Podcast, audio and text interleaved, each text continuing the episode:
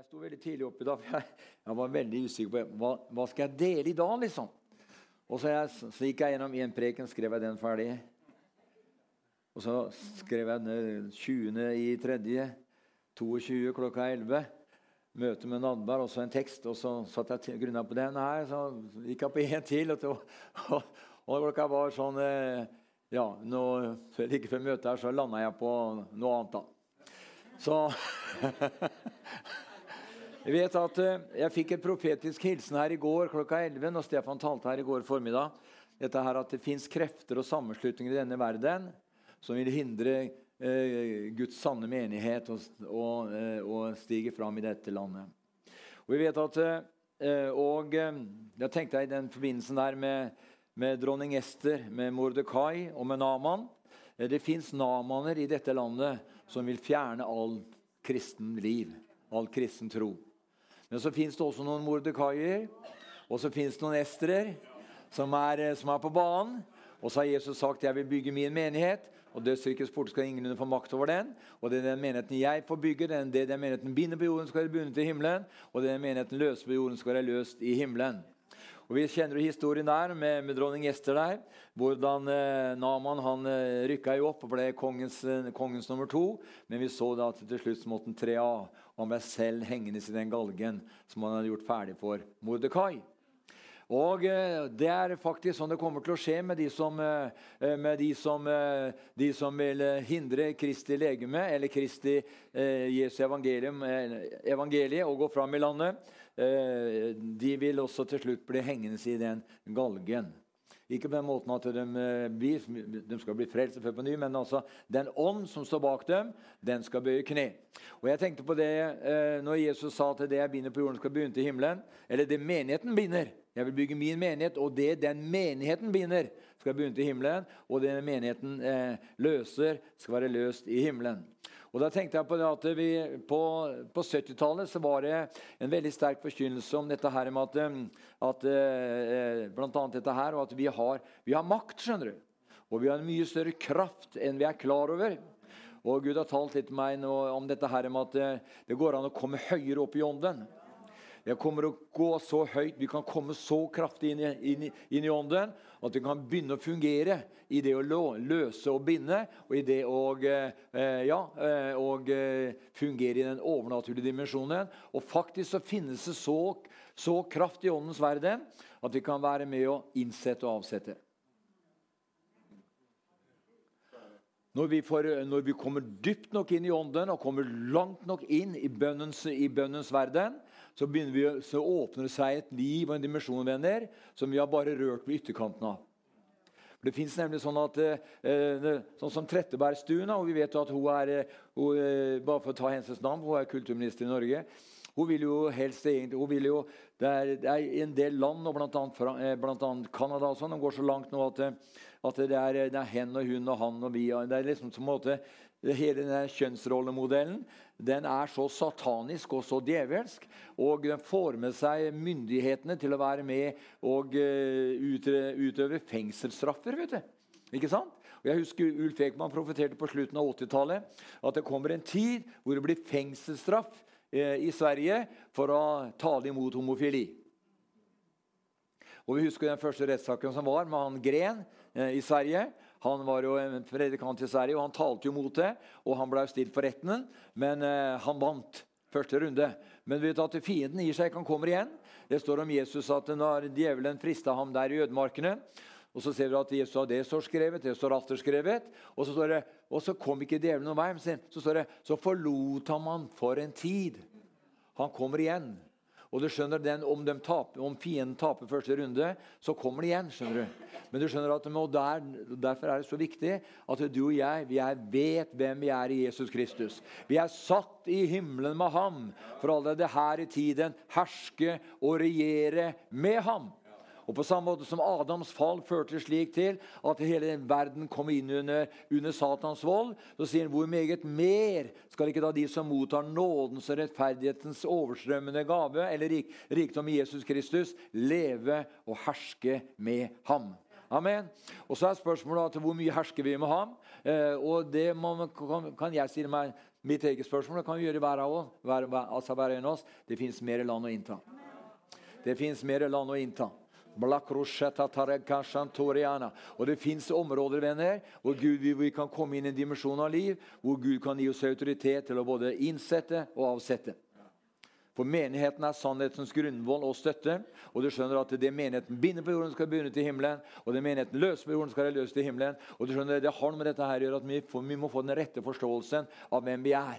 Vi er ingen sånne tusselader som, som, som, kryper rundt oss og som blir skremt av, alt, av, alle som hyler og skriker. Nei, du skjønner at det er du og jeg som skal tale, og så skal han som vi forut, forut usikkerhet og frustrasjon, det er han som skal begynne å hyle og stikke. Halleluja. Paradosja, for Jeg er på vei inn i avslutningen av denne tidshusholdning.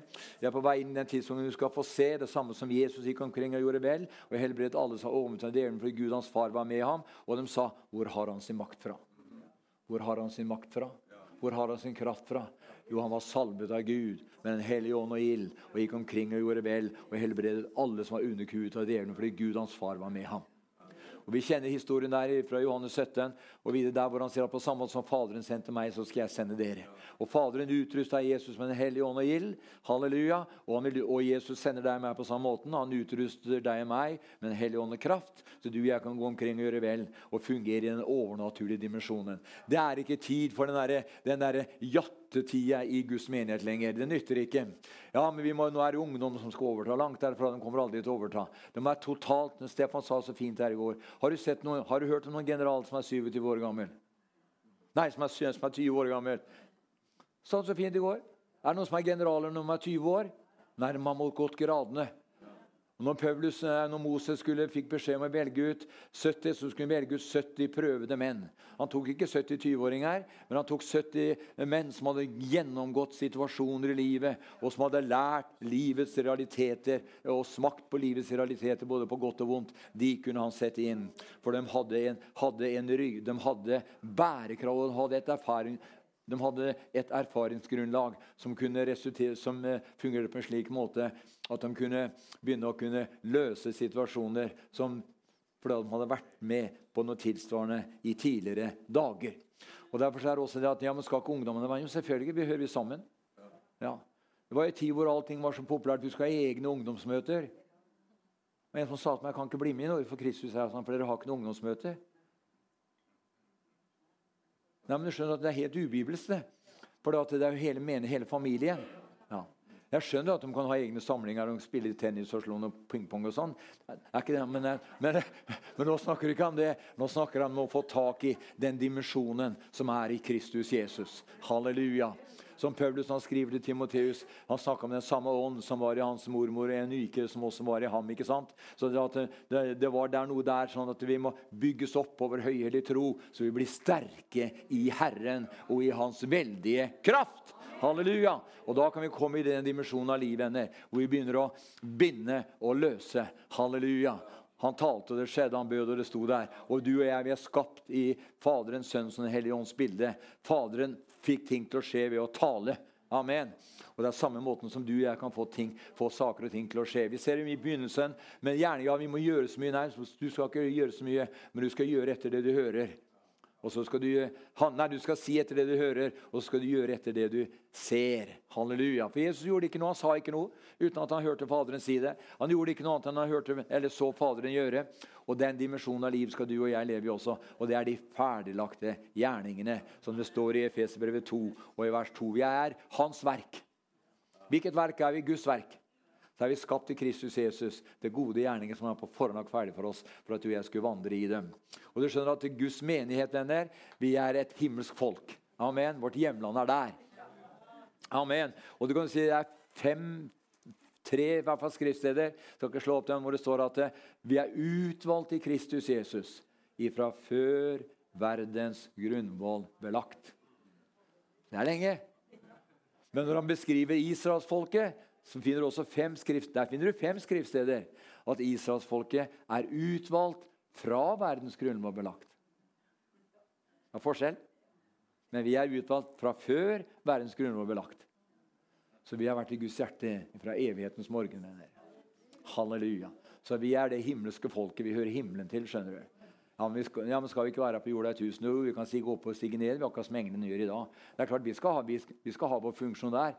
Og Israel, da? Jo, det er Guds jordiske folk. De har et løfte om et land. De skal regjere, og Messias skal, skal altså, regjere ut fra Jerusalem i tusen år. Men summen av det hele at det er bare ett folk. Amen. Det er både det jordiske og det himmelske. Og når det jordiske folkets eh, regjeringstid er over etter 1000 år, så skal Sønnen gi makten tilbake til Faderen, for at Faderen kan bli alt i alle. Da er det ett folk. Halleluja. Men inntil det åttende årtusenet trer inn, så er, vi, er, det faktisk to folk. Det er et eh, jordisk folk, det er det jødiske israelske folket, og så er det himmelske folket, som er menigheten som er utvalgt fra før verdens grunnlov ble lagt. Og blant dem så er det også jøder òg. Ja. Det er viktig å ha med seg. Men det var ikke det jeg skulle snakke om her. men vi, er, Jeg, tenk, jeg, jeg, våkna tidlig da og tenkte på det at eh, Jeg har gitt dere makt, sa Jesus, til å tråkke på skorpioner, ta slanger i hendene. Om du drikker noe skade, dødelig, skal det ikke skade dere, osv. Det er denne makten som, eh, som, Gud har gitt oss der ovenfra i Kristus Jesus. Jeg satt med Han i himmelen. Vi var en gang, sier Efeserbrevet 2, vi var en gang som hedningene der ute, døde i våre synder og overtredelser. Men ved troen på Jesus Kristus så har vi blitt nye skapninger. Så er vi satt med ham i himmelen for allerede her i tiden, sier Efeserbrevet 2, vers 6, for å allerede herske og regjere med ham. Amen. Herske og regjere med ham. Og det å regjere, venner, betyr å bestemme det. Det er egentlig ikke Sarpsborg kommunestyre og Sarpsborg bystyre og eh, Viken eh, fylkesstyre og storting og regjering som bestemmer. skjønner du. De bestemmer i denne verden. Vi er i verden, men vi, ikke er, men vi er ikke av verden. Men allikevel er vi satt over denne verden. Og vi har egentlig en autoritet som, vi kan, som Gud vil vi skal bruke nå, før Jesus kommer igjen. Da blir det, da, blir det 24-7, skjønner du. Det står om den der urettferdige dommeren som ikke vil gi enka sin rett. vet du. Og så sier kom, kommer hun hver morgen. vet du. Kontoret åpner klokka åtte, og der, hos dommeren der sitter kjerringa. Og så sier hun 'jeg skal ha min rett', sier hun. Nei, sier han. Det får du ikke. Hun hadde sin rett. Men hun ga seg ikke. Var tro. Jeg har hørt om tro hele helga her. Hun ga seg ikke. vet du. Kom igjen dagen etter. Og til slutt så ble han, begynte han å bli nervøs. Han begynte å bli nervøs. Så sa han det er vel like godt jeg gir henne sin rett. Sånn. Ellers er det vel like før hun flyr opp i eh, synet på meg, sier, sier 1930-oversettelsen. Så ga han henne sin rett. Så sier, eh, så sier, eh, så sier Jesus videre her Hvor meget mer skal da ikke Faderen gi dem sin rett, de som roper til ham dag og natt? Og så kan man si ja, men Går det an å rope på Gud dag og natt? Jeg må jo tid til å sove på òg. I hvert fall en tredjedel. Og da sier høysangen 'Jeg sover, men mitt hjerte våker. Amen. For ånden vår er født av Gud, og den behøver ikke søvn. vet du. Altså Kroppen vår den trenger hvile. Kropp, ånden vår den er, får ikke utvikla seg 100 den for den bor i en kropp som er underlagt forgjengelighet. Men han som bor i oss, venner, han er større enn han som er i denne verden osv. Og jeg tror at vi skal få se nå før Jesus kommer igjen. Jeg tror at, eh, at eh, det å binde og løse som jeg sa, Vi kan være med å avsette og innsette. Halleluja. Bare korset, men da må vi, høyre, må vi litt høyere opp. Apostelen Johannes han sier det i kapittel 4. Så sier, så sier, så sier han i kapittel 4 fra vers 1 han, Først har han forklart eh, Johannes dette her med, med sendebrevene og de forskjellige menighetene og alt mulig. Og så sier han, så sier han Da står de og prater sånn. sånn. Men så sier eh, englene, så sier han til Johannes Stig opp hit nå, sier han. Stig opp hit. Da går han fra den jordiske nivået opp til himmelen. Og så sier Herren til ham, 'Nå skal jeg vise deg, Johannes, det som heretter skal skje.' Da ser han ting ovenfra og ned. Og da er vi hjemme, skjønner du. Det er da vi reiser hjem.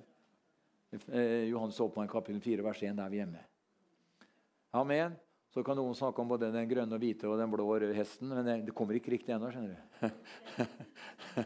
Nei men vi er, vi er på vei. Og eh, som vi snakka litt, litt om på morgenen, da, at eh, bønnvenner har en sånn en makt og en sånn en kraft.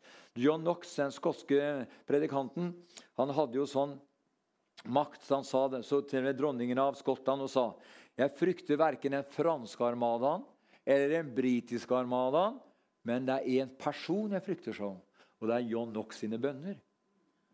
Det forteller meg at den eh, skotske dronninga hun var redd for én person. Og det var John Knox sine bønner. Og Det forteller meg at det var en mann som hadde makt med Gud. Og tiden er kommet, sier Herren sånn, da du skal få makt med meg. Da du skal få makt med meg. Halleluja. For det er ikke denne verdens Gud som skal sende, sette dagsorden lenger. Gud har satt en dagsorden. Halleluja. Og når vi kommer inn i åndens verden, så kan vi plutselig bli flytta inn i ånden og få se den himmelske kalenderen. Vi kommer inn i den himmelske eh, kommandosentralen, så får vi se hvilke planer Herren har. Halleluja. For Den hellige ånd kom ikke bare for å overbevise verden om synd, dom og rettferdighet, men han kom for å veilede, og ikke bare for å veilede oss til den hele fulle sannhet heller, men han kom også for å fortelle oss om de kommende ting. Det er viktig å forstå. Vi stopper der. skjønner du. Nei, morgendagen kjenner ingen. Nei da, det er riktig sånn utgangspunktet, men Den hellige ånd kjenner morgendagen. 30 000 år fra, ja, altså fram til Gud har vært der allerede. Det er litt vanskelig å forstå. At om 30 000 år ja, Hva da? Ja, Gud har vært der alt. Han. han er alfa og omega. Han er begynnelsen, han er enden. Amen. Og du og jeg vi er født og skapt i hans bilde for allerede her i tiden herske og regjere med ham. Halleluja. Ja, men er det ikke mye motstand og mye plager? Jo, det er det. Av dere færres plager, men Herren frir ham ut av dem alle, det. Amen. Men det, det fins en dimensjon i Jesusvennen de tre og et halvt åra. Fra, fra, Jesus var 30 år til han var 33,5 år, eller fra opp til 30-årsalderen, så var det ingen som visste hvem han var. De lette etter ham som tolvåring når han hadde vært, vært på, vært på løvehyttefesten i tempelet. Eh, Maria og Josef og, og, slekta. Så ble han borte. Og de oppdaga han ikke før noen dager etterpå. vet du. Han, og han, han var ikke, han var ikke reisefølge lenger. Hva er blitt av guttungen? Passa de på ungen da, eller?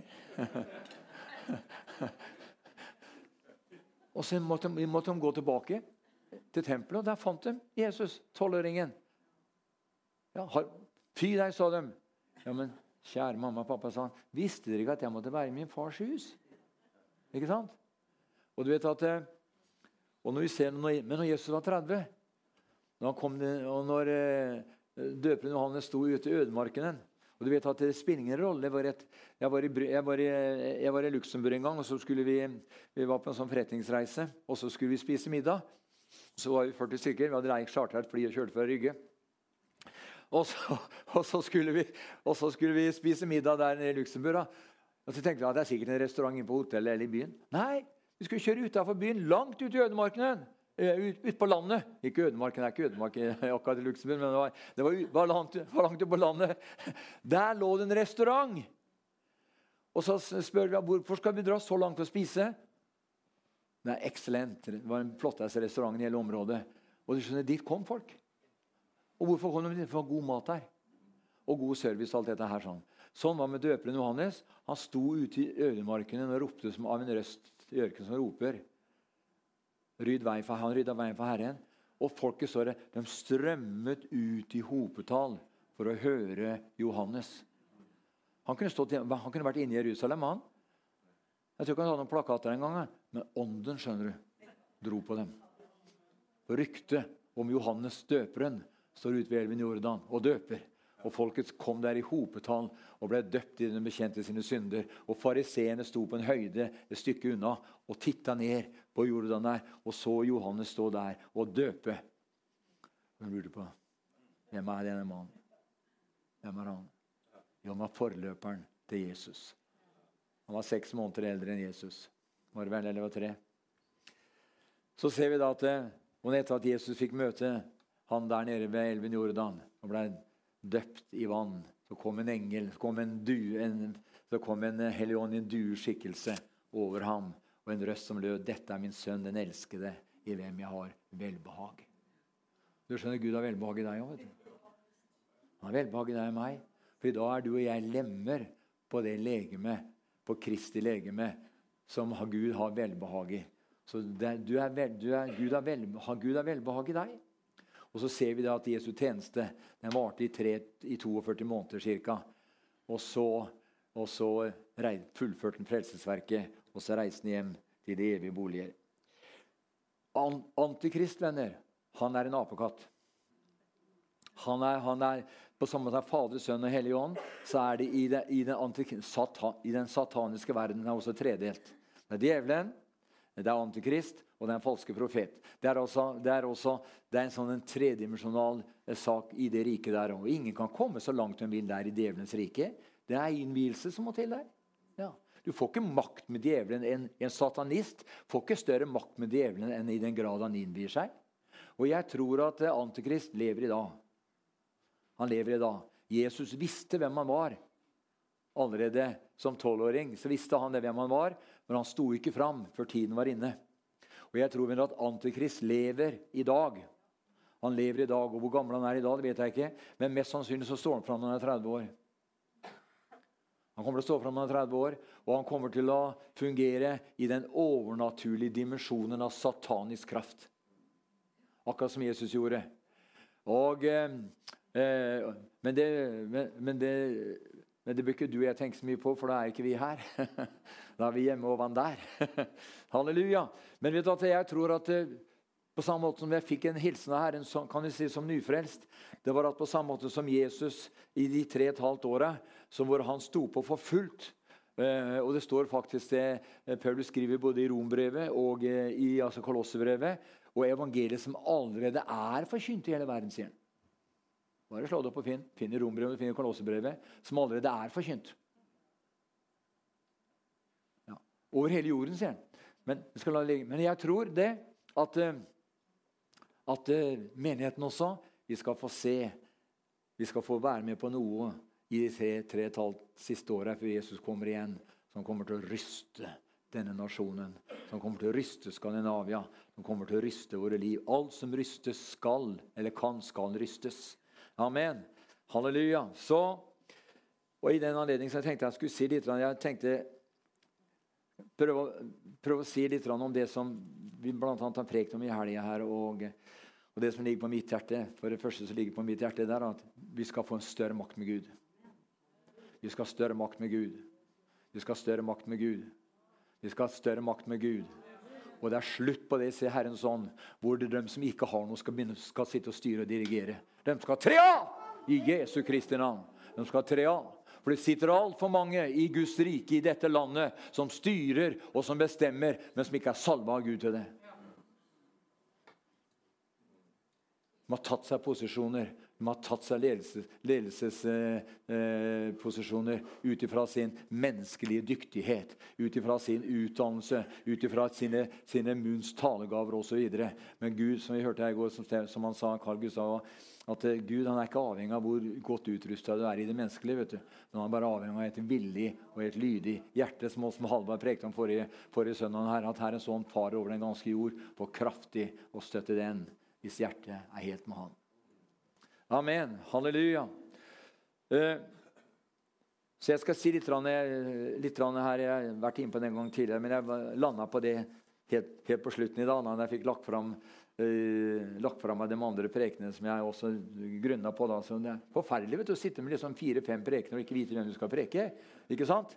Det er en kraftig utfordring. Jeg var, var, helt sjuk i magen, ja, altså. Men så landa jeg på det helt til slutt. da. At jeg skal si litt om eh, profetier er viktige, og den profetiske dimensjonen. skal si litt om det. For det ligger jo litt, i, litt, eh, litt i, mitt, i mitt hjerte da, å studere profetier og se på det se på det profetiske. Nå skal vi jo Amen. Vi står i Oppmaringen 1 og vers 3. Salig er den som leser, og de som hører det profetiske ord, og tar vare på det som det står skrevet, for tiden er nær. Han sier han bruker et ord som er salig, sier han. Salig er den som leser. Så du skjønner at det lønner seg for deg meg å begynne å lese åpenbaringsboken. Han sier da er vi salig. Salig er den som leser og de som hører det profetiske ord. Så vi bare leser det, og så taler vi det. Amen. Og så tar vi vare på det, det som står skrevet, for tiden er nær, sier Johannes her for 1950 år siden omtrent. Vi vet jo at, eh, at Johannes var den eneste apostelen som ikke ble halshogd eller drept på en annen måte. Eller korsfesta. Han ble over 100 år gammel, og han avslutta sitt liv i Efesus. Eh, hvor han, eh, det, fortelles det at han var, ført, var på fangen, var bortført til, Patmos for en tid, men han avslutta livet sitt i Efesus. Og da sies det at i, i menigheten her så henter det at brødrene når de hadde møter, så sier de det at Johannes, har du et ord til, har du et ord å dele med oss? Ja da, sa Johannes, jeg har et ord. Og det var alltid det elsk hverandre. Ja, elsk hverandre. Han hadde hver gang. Og han eh, var derfor De kalte han kjærlighetens apostel. Hvis du leser Johannes evangeliet og Johannes brever, Johannes og, eh, og Johannes brev, så ser du at han, han har veldig fokus på den dimensjonen som var sterkere enn både profeti og, og eh, håp og tro og alt mulig. Størst av dem var kjærligheten. Og det var, Johannes fungerte i den på mange plan og på mange områder. Vi ser f.eks. i åpenbaringen ta et vers til fra åpenbaringen, åpenbaringen 22. Eh, og eh, i vers 7 så står det her at står det her at eh, Se, jeg kommer snart. Salig er den som tar vare på de profetiske ord i denne bok. Da kommer det igjen. I begynnelsen, eh, kapittel 1 vers 3, så snakker de om å ta vare på det profetiske ordet. Og helt på, i siste kapittel, i vers 7, så sier han Se, jeg kommer snart. Og salig er den som tar vare på de profetiske ord i denne bok. Og er det noe vi vil, vil venner, så er det vel å være salig. er det ikke det? Vet du hva ordet salig betyr? Det er den høyeste form for lykke høyeste form for lykke. Ja, men Gud vil ikke at vi skal, ha så veldig lykke. Vel? Skal vi ikke være litt nedstemte og litt sånn tunge til sinn? Nei.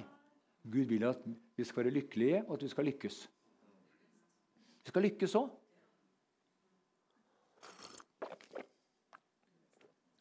Jeg ropte litt høyt i går kveld, så jeg kjente litt ned halsen her. Men, men halleluja. Han som bor i meg, er ikke hes, vet du. Nei.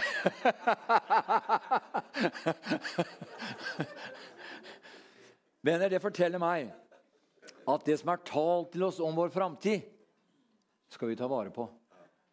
Det er både det profetiske ordet, som har med, har med hele, hele, verden, hele Guds rike å gjøre, men det har også med din og min personlige framtid å gjøre. Det som, profetiske ord som du har fått over ditt eget liv, skal du ta vare på. Du skal ikke abortere det bort.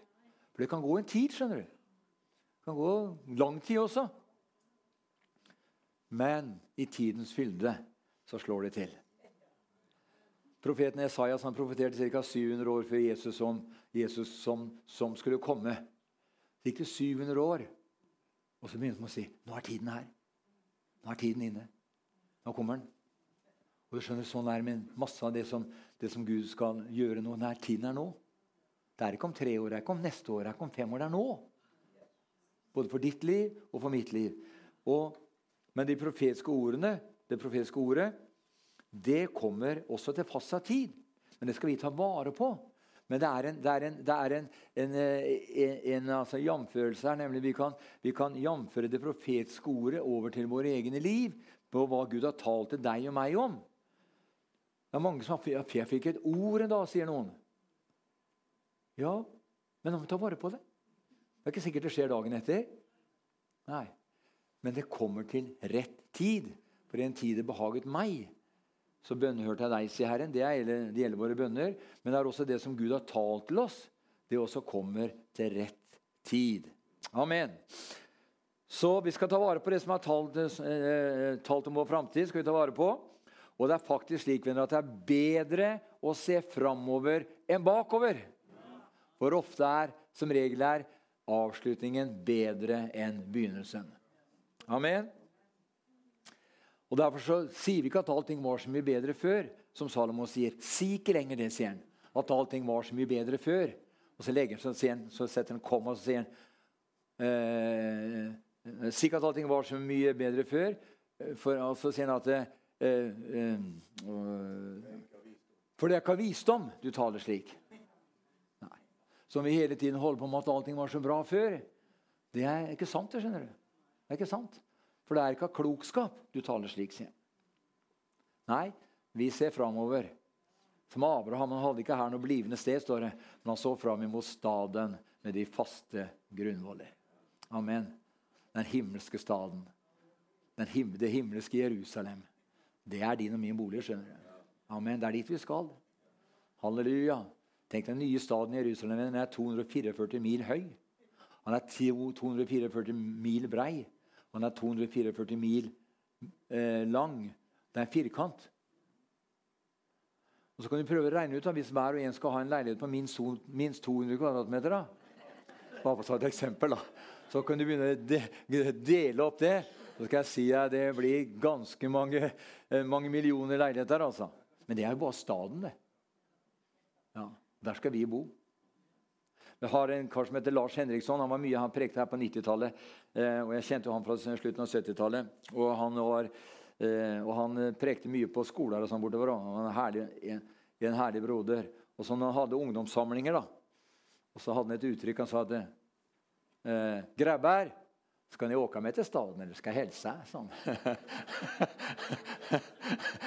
så, han var liksom 'Skal ni åka med til staden, eller skal jeg helse?' Nei, men du skjønner, vi skal med til staden. Amen. Vi skal være med. Halleluja. Det blir for seint. Den rike mannen av Lasarus den rike mannen, han, havna, han døde, vet du, og, den, og Lasarus, den fattige, døde. Og da våkna de begge to. I, de var, noen tror at i, i, i døden så, så er, ligger de i dvale. vet du. Det er full bevissthet. Det er full bevissthet. Men det er bare at du ikke har et legeme ennå. Sånn er det i paradiset da. òg. De som har gått foran oss, de er ved, de er ved full bevissthet. Noen Teologene lærer at de sover. liksom. Nei, de sover ikke med full bevis. De heier på deg og meg. Dem. Da har vi en så stor sky av vitner omkring oss, sier, Hebrevbrevet. ikke sant? Så de, er, de, heier på oss. Så de ligger ikke der og, liksom, og, og, eh, og sover. Nei da, de er full, de er full bevissthet, men de mangler legeme. Og de får ikke noe nytt legeme før du, jeg, før du og jeg kommer. da får vi et nytt legeme alle sammen i et, nytt øyeblikk, vi som lever. ikke sant? Og så, stø, så står det døde Kristus opp. Det vil si at, at da, For dem som er i det himmelske paradis, får de også et nytt legeme. Og så skal vi alle bli ham lik. Skal bli slik som han er. Amen. Men vi er ikke riktig der ennå. Vi skal få se, noen, eh, vi skal få se at Guds hånd er ikke for kort til å frelse. Og vi skal få se at han som begynte en gode gjerning, han har til hensikt å fullføre inntil Jesu Kristi dag. Amen. Det er herlig at ikke det er du og jeg som skal fullføre, da, men det er han som skal gjøre det. Han som har han som har vunnet en evig og en fullkommen seier. Halleluja. Jeg husker, eh, Ut ifra det vi talte om i helga, så landa jeg på det jeg, skal, det jeg holder på med nå. En tirsdagskveld i mai i 1987 på Borg kristne senter. Arne Bakken talte. Og Han talte ut ifra Lukas 10 og fra vers 25 om den barmhjertige samaritan. Og når han hadde fullført den, den, altså den prekenen, så fikk jeg et profetisk budskap. Jeg husker ikke om jeg fikk, eller om jeg tyda noen tunger som kom. Men da sa Gud, kjøp gamle Victoria hotell, for der skal jeg gjøre storverk i sin tid, sier Herren. Da skal jeg reise opp mennesker som er oppgitt av familien og oppgitt av samfunnet, og jeg skal sette dem i total frihet, sa Herren. Dagen etter, på onsdag, så dro Jan Erik Pettersen og jeg opp på, opp på, opp på hotellet her og snakka med hotelleier Rønne. Han eide jo det hotellet den gangen, en bergenser. Og eh, vi spurte om hotellet var til salg. Nei, det var ikke til salg. Den profetiske tidsramma er alltid den er, den er umulig å sette, å sette, dager og år på. Den, en eh, profeti er noe som blir varsla på forhånd. En profeti er forutsagt, er, er, forut, er forutsagt om noe som skal skje i framtid. Så, så, men vi fikk lov til å gå rundt og titte. da. Vi var oppe i treetasje der, og der kona hans lå sjuk inne på soverommet. der, husker jeg. Ja, du var med, du òg, Laila? da? Ja. Og da så Men så gikk det noen år, og så, så slutta han i Rønne. For det var ikke noe hotelldrift, det var ikke noe business lenger å drive hotell her. Hun fikk jo Saga hotell, og, og, det var egentlig mange andre ting som dukka opp. Bøndenes hus var der òg. Så øh, overlot så, øh, så ble det til salg. Så kjøpte en som heter Lasse Pettersen, som jobber i Sarpsborg kommune. Han kjøpte den bygget her. Og så sandblåste hele huset, og så endra han navnet på Victoria til Borg gjestegård. Husker du det? Endra til, til, Borg gjestegård. Og så leite han bort drifta her sånn til, et, til, en, til, en, til, en, kar fra Nord-Norge. Og eh, så var det da eh, 14. eller 15, 14. januar i 96. Da tenkte jeg at nå er tiden inne til å For da var det, det hotellet, den derre den der, eh, håndverkeren, det røde bygget, mursteinsbygget der, det var til salgs. Men så tenkte vi at eh, men var det huset her Herren hadde talt om? da? Og Så gikk vi inn her og tok noen kaffe og kakebit. Og så, og så mens vi er her, så kommer han der Lasse, eh, Lasse Pettersen, som, eier, som eier bygget der. Da. Og så sier jeg til henne at vi har vært Ja, er du her, Arne? sa han. Han bodde i Fredrikstad, han da. Eh, og så, ja, jeg har sett på det bygget over der. Sant? for jeg, altså, vi har lurt på å kjøpe oss et bygg her i byen. Skal ikke kjøpe her, da, sånn. og det var det, ikke sant? Det var Guds plan. vet du. Jo da, Lasse, sa vi, skal vi ha det. Og så, hva skal du ha for det? Så var jeg enige om, var enige om en sum osv. Men, jeg, men jeg, har 15 000, kan, kan, du skaffe 15 000 kroner nå? Sånn? Ja, det kunne vi skaffe. vet du. Kan ikke jeg få den 15 000 og så skriver vi kontrakt, kontrakt, etterpå? For da mangler akkurat 15 000 til et eller annet. da. Og så uh, var det dagen etter, eller om det var samme kvelden, jeg er ikke sikker på, jeg tror det var dagen etter, det er samme, så, så skulle vi Så sa han altså du får, altså du får nøkler, sånn, for da hadde han nordlendingen han flytta ut. Og så var det leie, leieavtale her med, eh, med svenska Jernvegen og så NSB, som hadde fem rom her, hvor konduktørene overnatta på, på togtran, togtransporten fra Göteborg til Oslo når nattoga kom. Og så eh, Den kvelden da vi skulle overnatte her, så fikk nøklene. og, og så skulle han svensken komme klokka halv tre. og Da var det akkurat på inngangen til kjøkkenet der ute. Der, lå, der var en sånn resepsjon, en gammel sånn telefonsentral. sånn brun sånn, Husker du den, Helge? Den, den, der, den der tresentralen der. sånn. Så skulle jeg sitte nede til eh, nede, nede vente på han klokka halv tre. For jeg måtte låse inn han da, for han, ha, han hadde rom oppe her. Og så var det alltid, De skulle alltid, ha seg en kopp kaffe før de, før, før de gikk på rommet. da. Så satt jeg nede her. Men, men mens jeg sitter her nede og venter, har jeg gått lagt seg der, så går det i antasje, vet du. Det går bortover. Og så Jeg springer opp i antasje, vet du. Og ser inn der. For han sa til meg Lasse, nei, du må være litt forsiktig med rom 10. To, altså 210, sånn der, der ligger vet du. Nei, Stefan. Du må være litt forsiktig med rom 10 210, sånn, for da kan det hende at det kan være noen bevegelser. sånn. Og jeg sprang opp i antasjen vet du, og det var, det var ingen der. vet du. Jeg gikk ned og satte meg igjen. da. Og Så gikk det kanskje fem minutter, så begynte det å trippe bortover i gangen igjen. Og jeg sprang opp i antasjen igjen. For Dette her var en gammel bule det, vet du, i Sarpsborg. Det var her man som skulle ha seg en prostituert eller hva som helst, eller ha seg et kveldsnummer, og sånt, så tok de med seg ei dame inn på huset her. og, så, og så leite de seg rom her. Så det var sånne bule. det var det vet du, opprinnelig. Men opprinnelig så var det et veldig flott hotell, for det var bygd i 1893. Uh, den første delen her var bygd i 1893. og Den andre delen var bygd i 1903 eller 1904. ja, men det var sånn det var. ja. Og så, og så og så jeg sprang opp igjen andre gangen, var ingen her. vet du. Så jeg tenkte hva er dette her for noe? Og så kom det igjen tredje gangen. Så gikk det, vet du. Og da sprang jeg opp. Og da kom Guds ånd om meg og sa Jesu Kristian Nazarets navn. sa jeg. Jævla demoner, kom du ut av dette huset her en gang for alle. Og kom aldri mer tilbake! Jesu navn. Da var jeg sint, altså. Man sa, sint er feil ord, men da var jeg, da var jeg vred altså, i Den hellige ånd. Puff, så ble jeg helt stille. Og så kom jo han klokka halv tre og fikk kaffe, kaffe og sånn. Og vi gikk og lagt oss skulle jeg, gå på og legge meg. Da var klokka ca. tre. Og så hadde jeg ikke mer lagt meg ned i senga. Så hadde jeg lagt meg ned i senga, og så kommer det en person. I, han, står på, han, står på, dørkarmen. altså Hvis du sier at det her, er, det, her, altså det her er soverommet, så er det dør derfra inn til badet. Og så er det dør fra gangen her og inn på soverommet. Og her er døra så står en gubbe i døråpningen der. Han står litt, ikke akkurat i døråpningen, men litt, litt utafor døråpningen. For han var svær og brei, skjønner du, og så hadde han to, en person på sin høyre og en på venstre side. Og han var kledd i Olav den helliges modur. Så når vi snakker om Olav den hellige, så må jeg spy av det. Altså, for det som heter Olav den hellige, det er satanisk og djevelsk og demonisk. Så, øh, men det kan du ikke si til alle. Men Olav den hellige, ja. Ja, det er bare tull, det. Men så skal du høre. Så står han der, og så skriker han meg og sier I denne byen, sa har jeg rådd grunnen i snart 1000 år.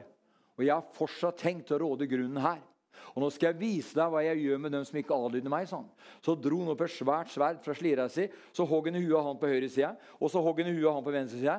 Og så kom Guds ånd over meg. Så jeg sprang imot den i Jesu, i Jesu han sa, i Herren Jesu Kristi av Nazarets navn. sa. Fra i dag skal, skal, ikke denne byen være kjent for Olavs by, den skal være kjent for Jesu Kristi by.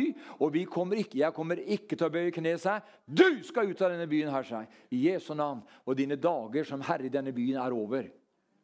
Og det som skjedde, boff, sa den som var borte. Og så talte han til meg og sa, jeg sa dette hus skal være et bønnens hus. Det, mener, det er 26 år siden nå i den 15. januar i år. Og den, I mai måned i 96 så åpna vi, hadde første møte her. Det er nøyaktig ni år etter Arne Bakken talte om den barmhjertige samaritan på Borg i mai i 97. Det gikk ni år. Og nå har det gått 26 år til.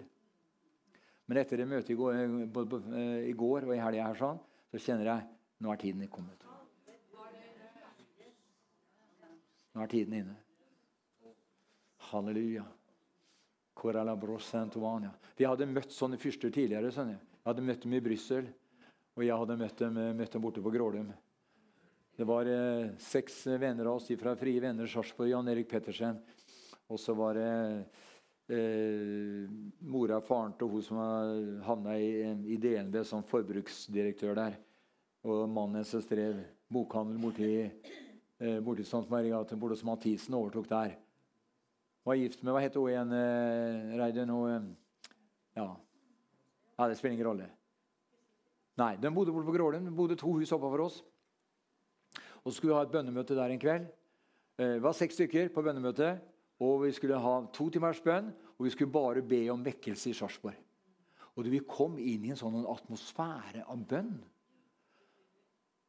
Vi kom inn i, så Det var ikke noen som sa det var ikke noe meg og mitt og uh, mine problemer og mine behov. Nei, Det var bare det at det kom inn i en dimensjon.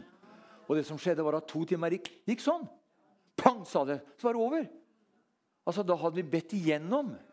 To timer gikk det eh, i, i, intens bønn der. Eh, for Hun begynte med å si til mannen han hadde en lungesykdom og fikk vann i lungene. og måtte tappes stadig vekk for vann i lungene. Og hun sa da at, han sa da at hvis min mann dør, sa hun, så blir, så blir, eh, så blir døtrene mine frelst. Hun hadde to døtre. Nei, sa jeg, sånn er, sånn ikke, sa jeg. De blir ikke noe frelst, for de kommer kanskje enda lenger bort fra Gud. Men det var, det som det var, det var liksom utgangspunktet for den bønnekvelden. da. Så, og, men jeg skulle legge meg på kvelden da. Da bodde vi, bodde vi nede i Østaveien 1. Og så hadde jeg ikke mer lagt meg ned i senga, og der var det også Vi skal ta soverom og sånn, da. Så var, det, så var det her var det dør Hæ? Det er ikke så nøye, nei. nei.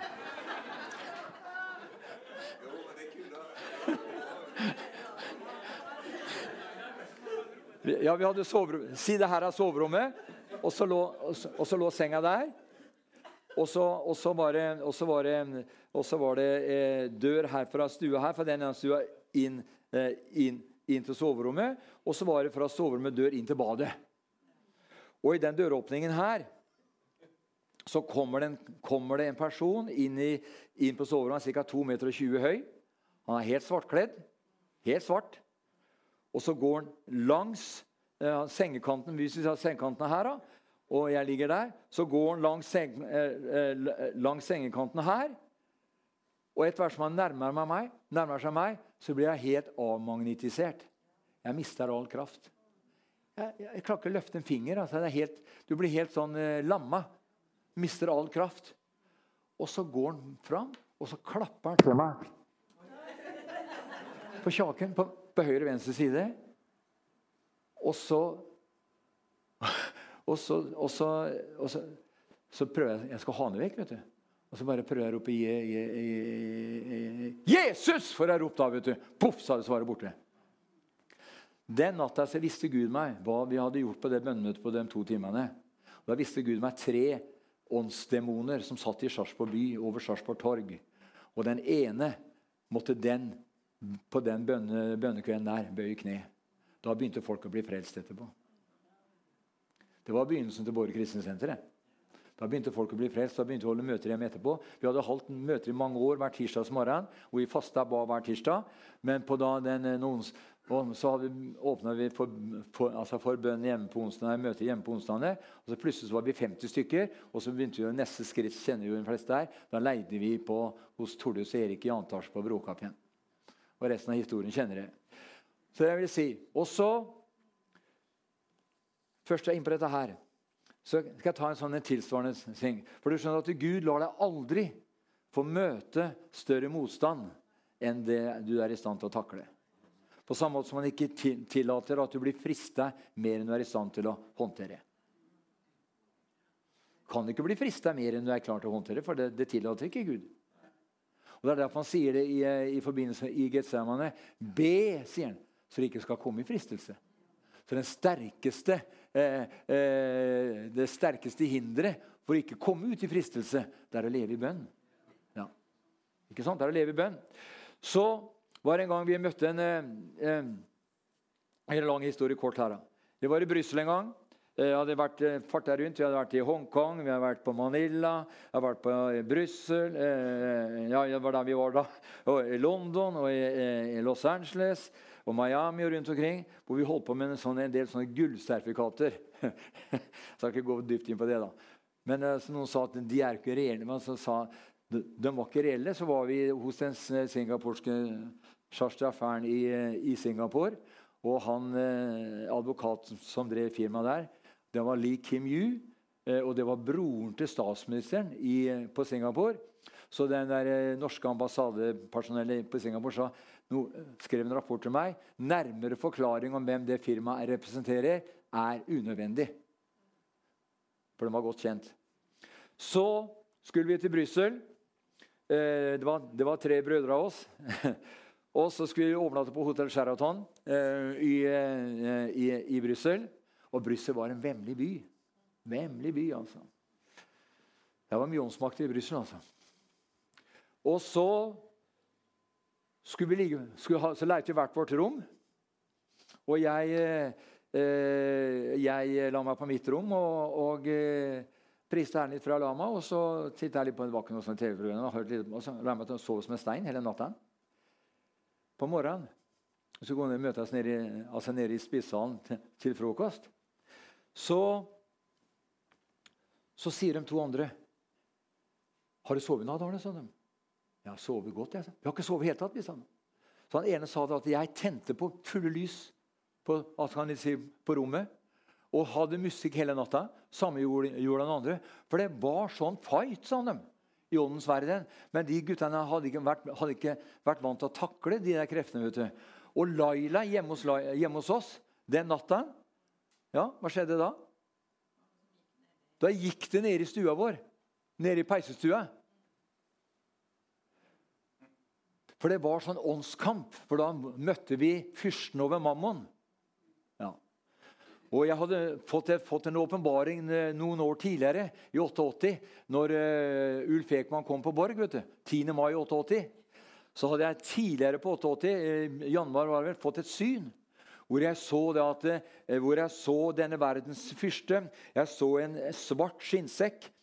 Jeg husker det som det var i går. Den var så svær, og den hang opp sånn.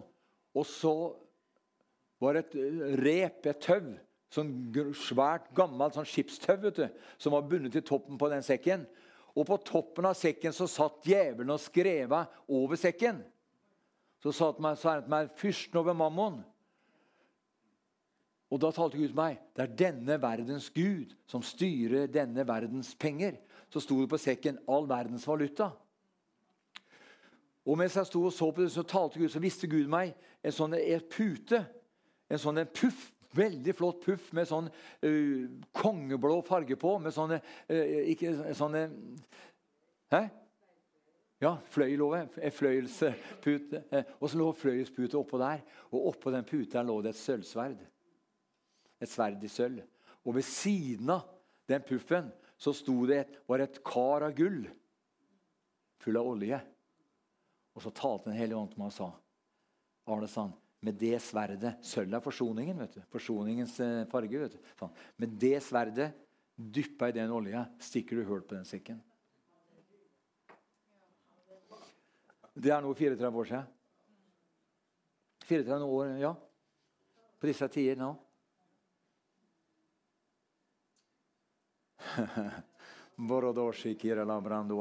Ja, men du skjønner, det kommer til rett tid.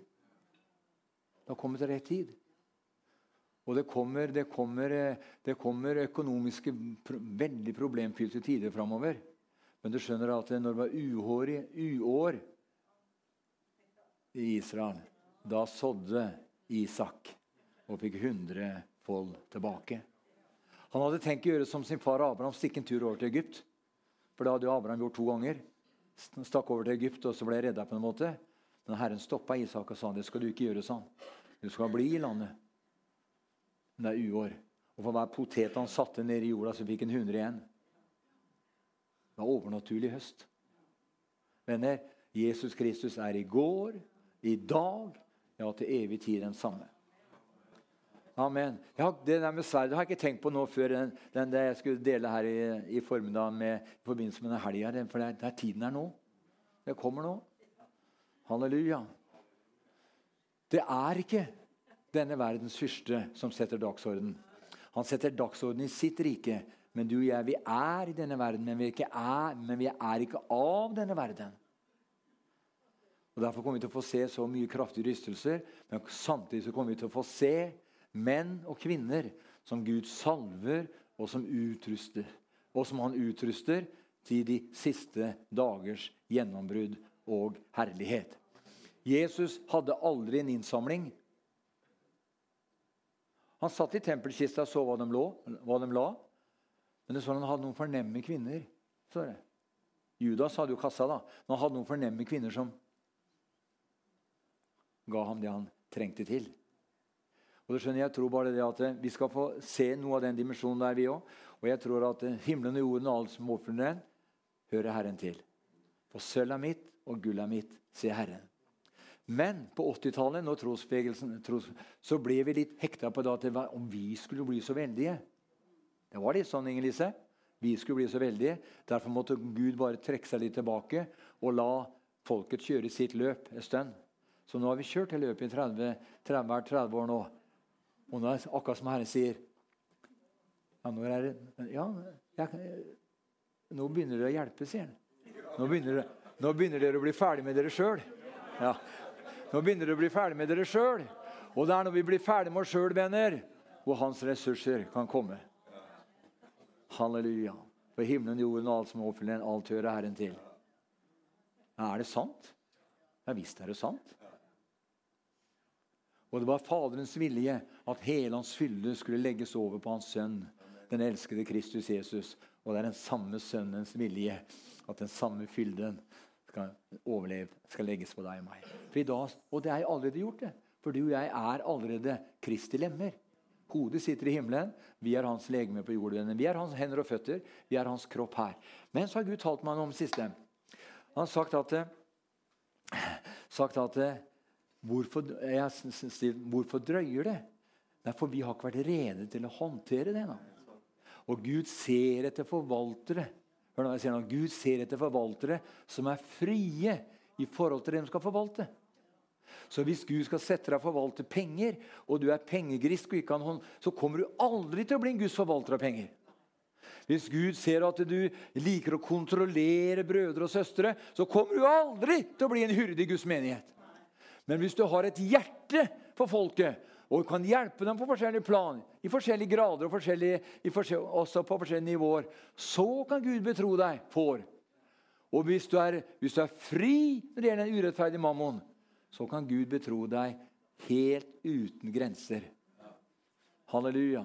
Jeg husker når jeg besøkte Åge Åleskjær eh, i, eh, i, februar 85. Vi dro til, vi dro til, til Tølsa Rema til Rema for å besøke Åge og Martin Mæland der. De gikk på bibelskolen her. Og Da kjørte vi fra Fornebu og så kjørte vi til Hitrov. Og så tok vi Pan Am-fly. og Det gikk jo, jo ikke fra disse her lukene som kjører ut. Da måtte du ta buss ut på flyplassen eller ute, vet du. og så måtte du gå opp gelenderet der. Eller geilenderen. Stigen der, hva kaller du det? Kaller det? Trappa opp? Trappa, ja.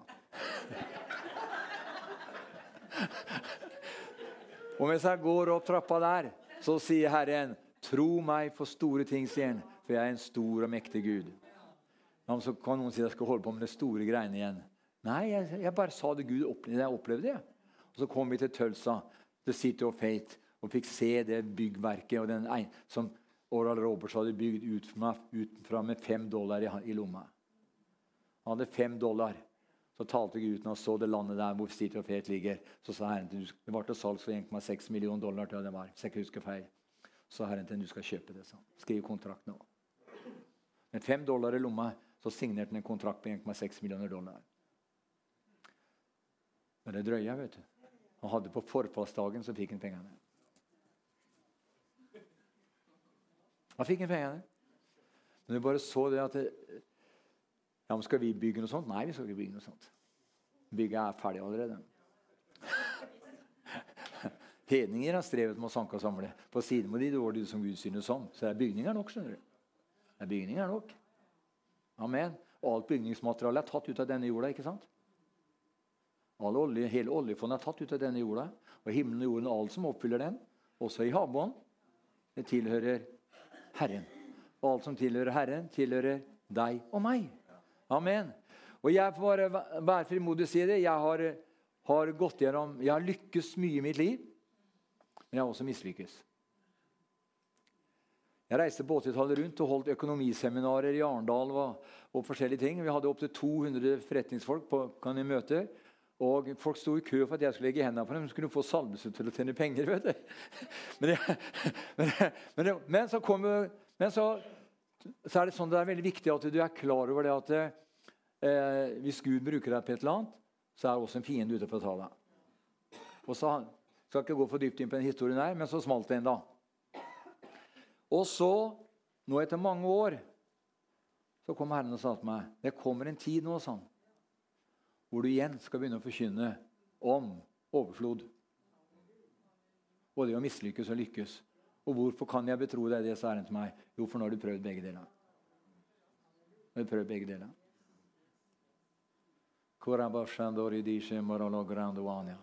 Halleluja. Så det, så det er, den formiddagen her, det er Kimla Krosantovania. Halleluja. Så, venner, hva har Herren sagt til oss i løpet av den tiden vi har vært her på Victoria? Jeg kommer ikke gjennom det jeg skal si her, men det får bare ligge etter en annen gang. Og så var vi på et bønnemøte her en fredag. Det var 20 år siden, vel? Er Rune her? Nei. Jo, Rune er der.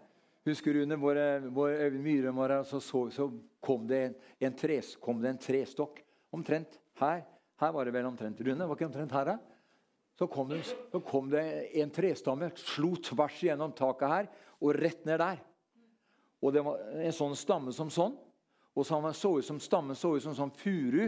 Det var ikke ordentlig bark, men det var sånn, eh, var sånn eh, Ja, han var litt sånn rødbrun. da. Og så salte Herren sa, 'Her planter jeg en seder', sa han. Her planter jeg en seder. Og Søndagen etterpå så prekte han eh, kraften, eh, sederen, trærnes konge. Og det jeg kom til å tenke, det har ikke, og, den, og den trestammen der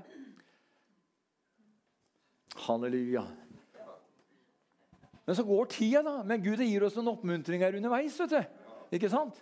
Så, det, så, det at, så kan man si det at ta vare på de profetiske ord. Ta vare på det. For det skal komme i sin tid. Det skal komme i sin tid. Amen. Halleluja. Priset være Jesu navn. Så den sedelen der, det var et voldsomt tegn. Og så var vi hadde fredag bønnenatt her for noen år siden, kanskje ti 10-12 år siden, det, så fikk vi se et syn av EU. Mens vi ba her, og Ikke bare jeg alene, det var to-tre til som så det samme. Vi fikk se EU og euroen, og så sa Den hellige ånd euroen skal falle. han. EU kommer til å falle. Ja, men nå tror alle at alle skal inn i EU. Bare vent. Det skal falle. For det er det Gud sier som det er sånn det blir. Euroen skal falle. EU skal falle. For Gud hater hater det det, det er å bygge opp. Og det er det globalismen. skjønner du.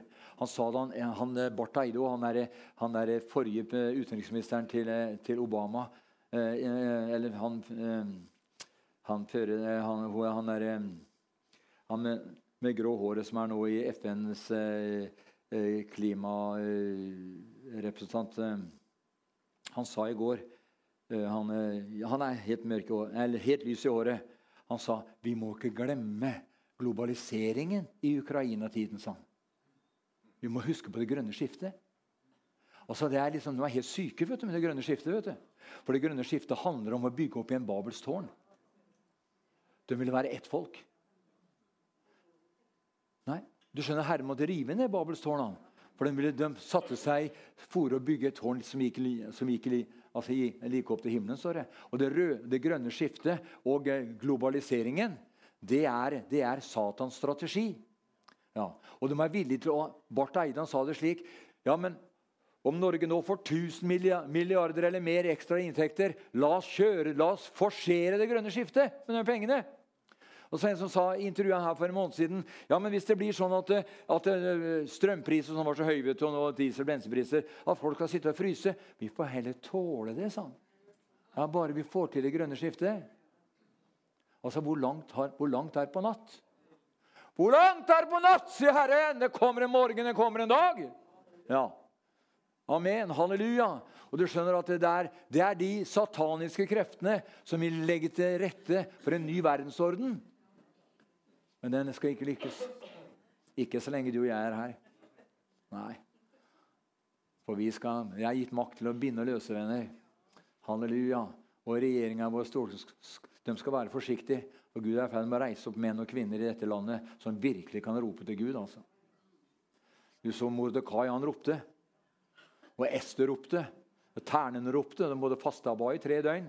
Men de ropte, altså.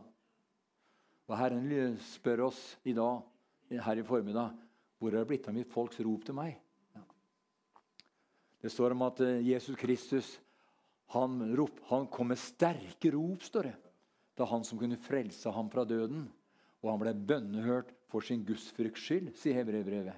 Og hva slags sterke rop var det Jesus kom med? Så, ja, men Det var på korset, sier noen. Nei, det var ikke det. For Han var ikke Semane føre der, hvor han sa far, om det er mulig, så la den kalk komme forbi, men ikke som jeg vil, men som du vil. Og så overlot han sin vilje til Faderen. Da kom en Herrens engel og styrket ham. Så det hadde, det hadde ikke, noe, det hadde ikke noen, altså, noe, med det å gjøre. Men han har med sin kjøds dager frembåret for Gud bønner og sterke rop til han som kunne frelse ham fra døden. Og han ble bønner for sin gudsfrukts skyld. Det vil si at han har prøvet i alt lik deg og meg.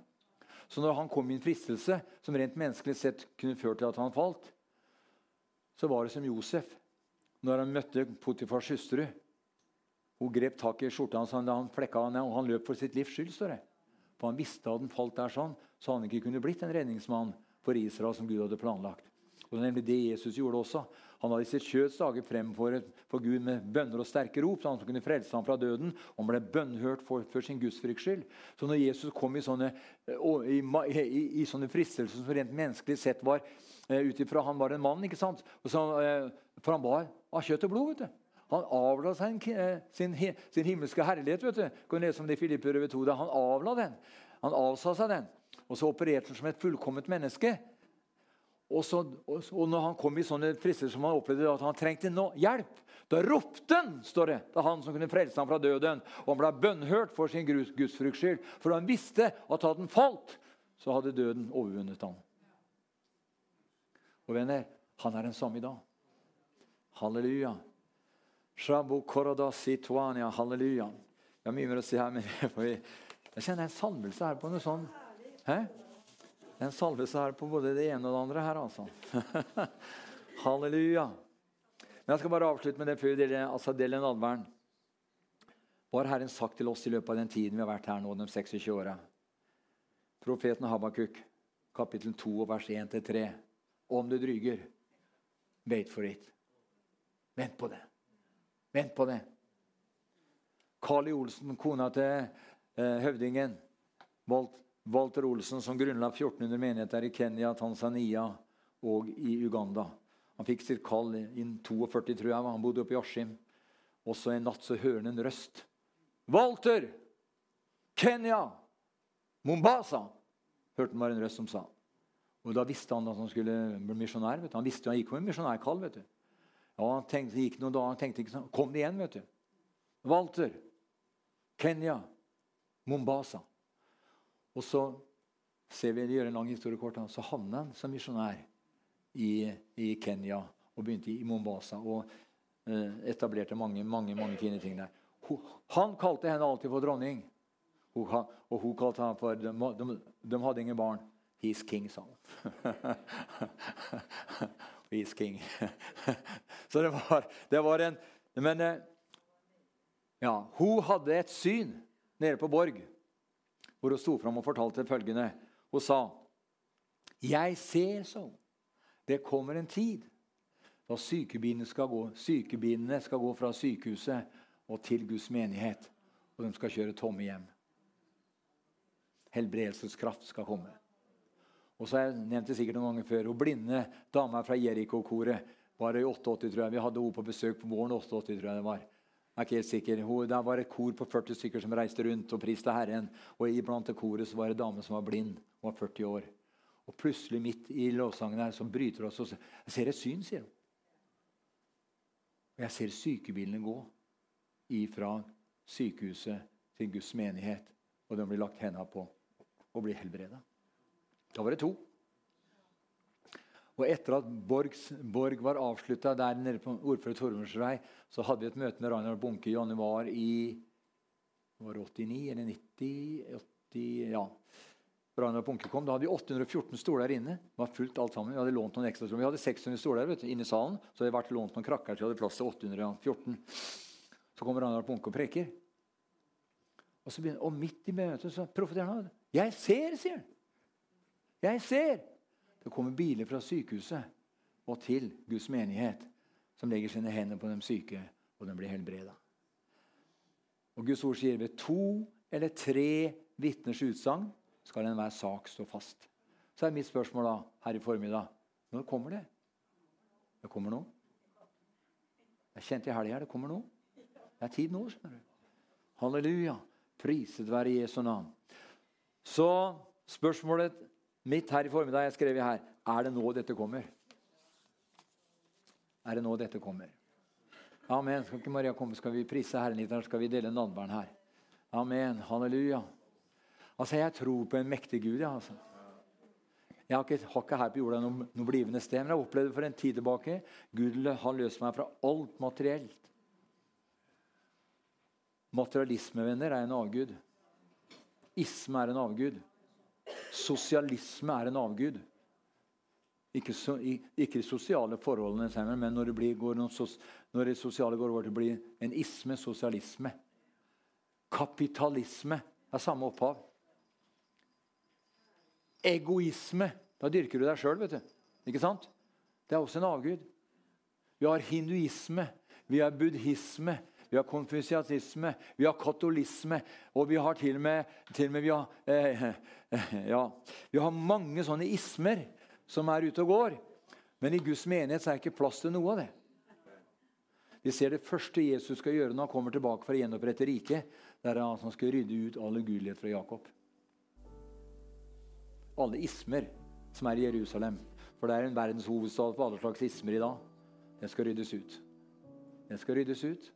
Men vi kan begynne med å rydde ut våre egne ismer i vår egen liv. Josef fikk beskjed om å ta en etnisk rensning av hele landet. når Han inntok landet. Han skulle fjerne alt som kunne være med å hindre eh, Guds flyt og Guds strøm i landet. Men han fullførte ikke. Han lot det bli igjen, og han tok ikke alle. Han tok, han tok var 52 slag han hadde, som han vant, for alt han satte sine føtter på. det ga Gud ham til odel og eie. Men han rydda ikke ut all ugudelighet og vi ser historisk på Israel, så ser vi at den ugudeligheten han ikke rydda ut, det ble Israels fiender etter hvert som åra og århundrene gikk. Når han fikk beskjed av Herren til å ta en etnisk rensning, han måtte kvitte seg med alt. Og Sånn er det også viktig med ditt og mitt liv òg. At, at så tidlig som mulig i våre liv, la oss ta en etnisk rensning av alt som kan hindre Guds ånd i å flyte fritt gjennom våre liv. For ellers kan du risikere at vi snakka litt på morgenen i dag her, og at, at du var ikke Lester som hadde sagt at når du blir 50 år og begynner, og begynner å tulle etter du er 50 år, så er det nesten ingen umulighet. Så er det nesten ingen, nesten ingen vei tilbake igjen. Men når du er en 20-åring og styrer litt i altså 20-årsalderen, så har du liksom flere år på deg til å reparere og, og pynte på saker og ting. Det er derfor det er så viktig at vi, vi fjerner alt i våre liv som hindrer Herren i å bruke oss det han har planlagt nå før Jesus kommer igjen. For jeg vil være med å se denne bølgen av herlighet. Ja. For Gud talte til meg lenge før jul og sa at 22 sånn, det blir et år av kaos i verden, men en herlighet i Guds menighet. Amen. Og det er denne herligheten vi ser fram til. Amen. Halleluja. Priset være Jesu navn.